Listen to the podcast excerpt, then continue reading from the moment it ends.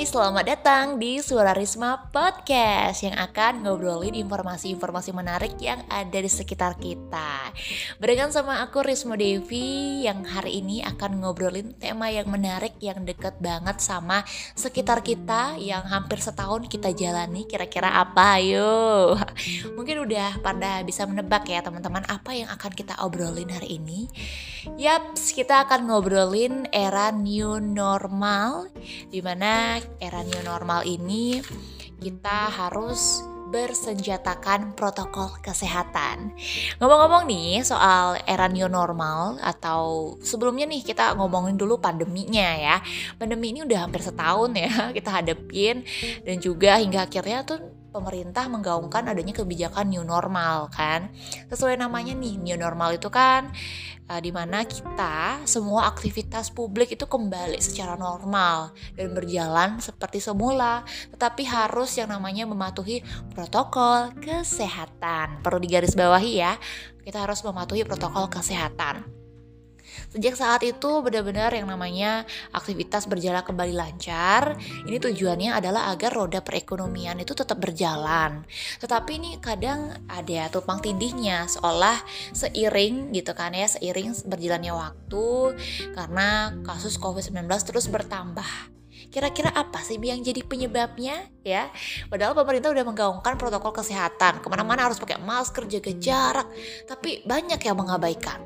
Itulah jadi penyebab kenapa um, pasien COVID-19 terus bertambah dan tenaga kesehatan pun berguguran. Sangat sedih banget aku dengarnya. Dan juga rumah sakit pun penuh karena COVID-19 ini semakin bertambah dan juga kasusnya semakin bertambah. Nah, aku sebagai generasi muda nih yang takut juga kan akan corona gak hanya uh, orang-orang uh, tua aja yang rentan kena covid, kita juga harus berhati-hati karena covid itu benar-benar ada gitu kan. Adapun uh, senjata protokol kesehatan yang selalu aku pegang teguh dan selalu aku laksanakan dan selalu aku bawa ke mana-mana. Oke, okay, yang pertama nih, aku selalu mempertahankan physical distancing dengan cara ya udah jaga jarak aja. Aku mau ke ruang publik, rame-rame. Harus jaga jarak minimal lah 2 meter. Nggak boleh deket-deketan udah kayak dulu nonton konser misalkan. Kangen banget ya nonton konser dulu tuh rame-rame gitu kan. Tapi sekarang udah nggak bisa. Karena adanya uh, pandemi virus corona ini sehingga kita harus jaga jarak. Karena corona itu cepat banget nular dengan kita bersentuhan aja. Karena kan sekarang udah orang tanpa gejala kan udah nggak tahu gejalanya apa. Yang kedua aku sering banget yang namanya cuci tangan cuci tangan tapi dengan air yang mengalir pakai sabun ya. 20 detik lah pokoknya harus di sela-sela jari pokoknya harus bersih banget. Dulu-dulu mah kalau makan langsung makan aja. Kalau sekarang mah sebelum makan harus cuci tangan megang lip cuci tangan, megang uh, kunci, megang apa, jadi harus cuci tangan gitu. Dan yang ketiga nih aku selalu pakai masker ya. Sekarang mah masker udah jadi kewajiban ya, udah jadi fashion malah. Apalagi sekarang udah masker kalau di Bali kan ya. Masker tuh sekarang udah masker endek, udah jadi outfit kita sampai ada strap masknya itu biar fashion dan juga kita nggak lupa naruh masker itu di mana. Dan sekarang juga masker itu perlu banget untuk mencegah droplet ya apalagi kan juga tadi kita nggak tahu orangnya itu positif atau enggak gitu kan pakai masker setiap hari di mana pun aku tuh selalu bawa masker. Maupun itu di ruang publik maupun itu deket di rumah aja mau ketemu itu pakai masker. Karena takut juga gitu kan benar-benar ini berbahaya banget gitu kan.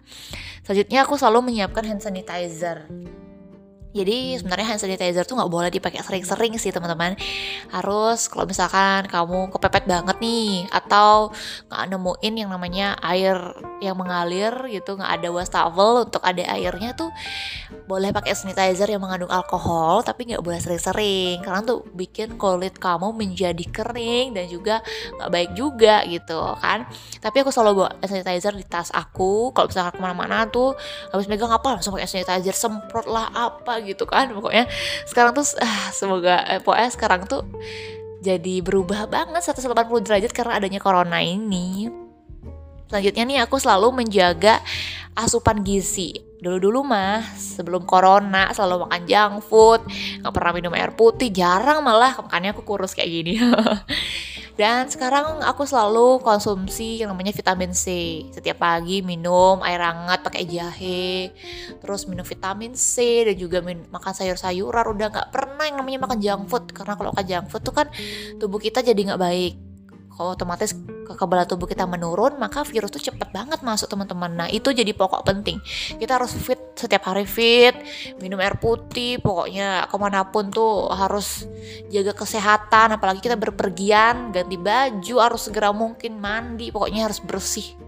Corona ini mengajarkan kita untuk bersih karena bersih itu yang utama sekarang teman-teman Selanjutnya aku selalu bawa alat-alat makan.